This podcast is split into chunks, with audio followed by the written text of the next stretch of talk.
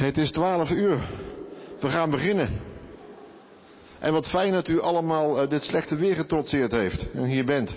Gelukkig is het hier droog en zelfs nog een beetje warm. Dus uh, dat uurtje wat we nu gaan beleven, dat gaat u op een hele fijne manier doorkomen. Met prachtige muziek, uitgevoerd door onze eigen ijsbrand ter haar. Um, hij gaat zo meteen beginnen op het grote orgel. De eerste twee stukken, dat heeft u gezien. En daarna heeft u even tijd om naar voren te lopen. We hebben daar stoelen neergezet om heel dicht bij het koororgel uh, de rest van het concert te kunnen volgen. Dus uh, straks even in de benen. En dan zie, hoor je niet alleen wat er gebeurt, maar je kunt ook zien wat hij allemaal aan het uitspoken is.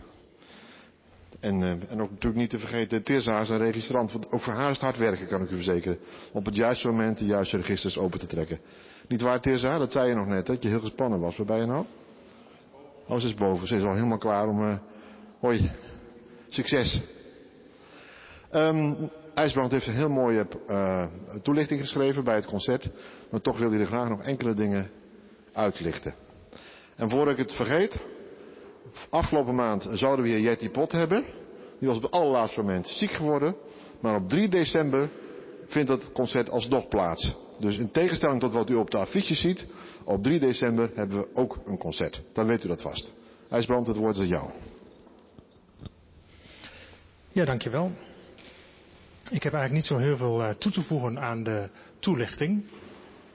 Maar ik wil u wel uh, inderdaad uitnodigen straks voor de tweede helft om op het uh, koor te gaan zitten. Daar komt de klank veel beter tot zijn recht van het koororgel. Het klinkt hier ook mooi, maar het wordt snel al een stuk zachter.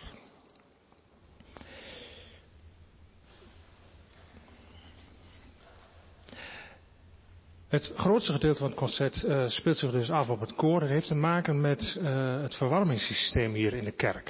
Ik wil dat toch nog eens even een keer uh, benadrukken, omdat er op de vooravond staan van de aanschaf van een ander verwarmingssysteem. En Peter is niet alleen voorzitter van de Orgelstichting, maar ook van de kerkenraad. Dus ik probeer hier toch een soort van boodschap over te brengen.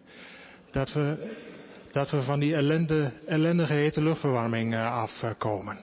Want als u naar het orgel kijkt achter u, dan ziet u dat het orgel op verschillende niveaus is gebouwd. En de twee werken tussen de torens, die hebben daar vooral uh, last van. Dus het rugwerk, waar achter de organist zit, bevindt zich een paar meter lager dan het hoofdwerk. En um, dat scheelt ook in het aantal graden qua temperatuur. En vind de orgel niet zo leuk. Dus ik heb uh, wel wat geprogrammeerd op het orgel, maar ik ben toch wel zeer beperkt met de keuzes die ik kan maken uh, qua registratie vanwege die uh, verwarming. Is de boodschap overgekomen, Peter? Ja.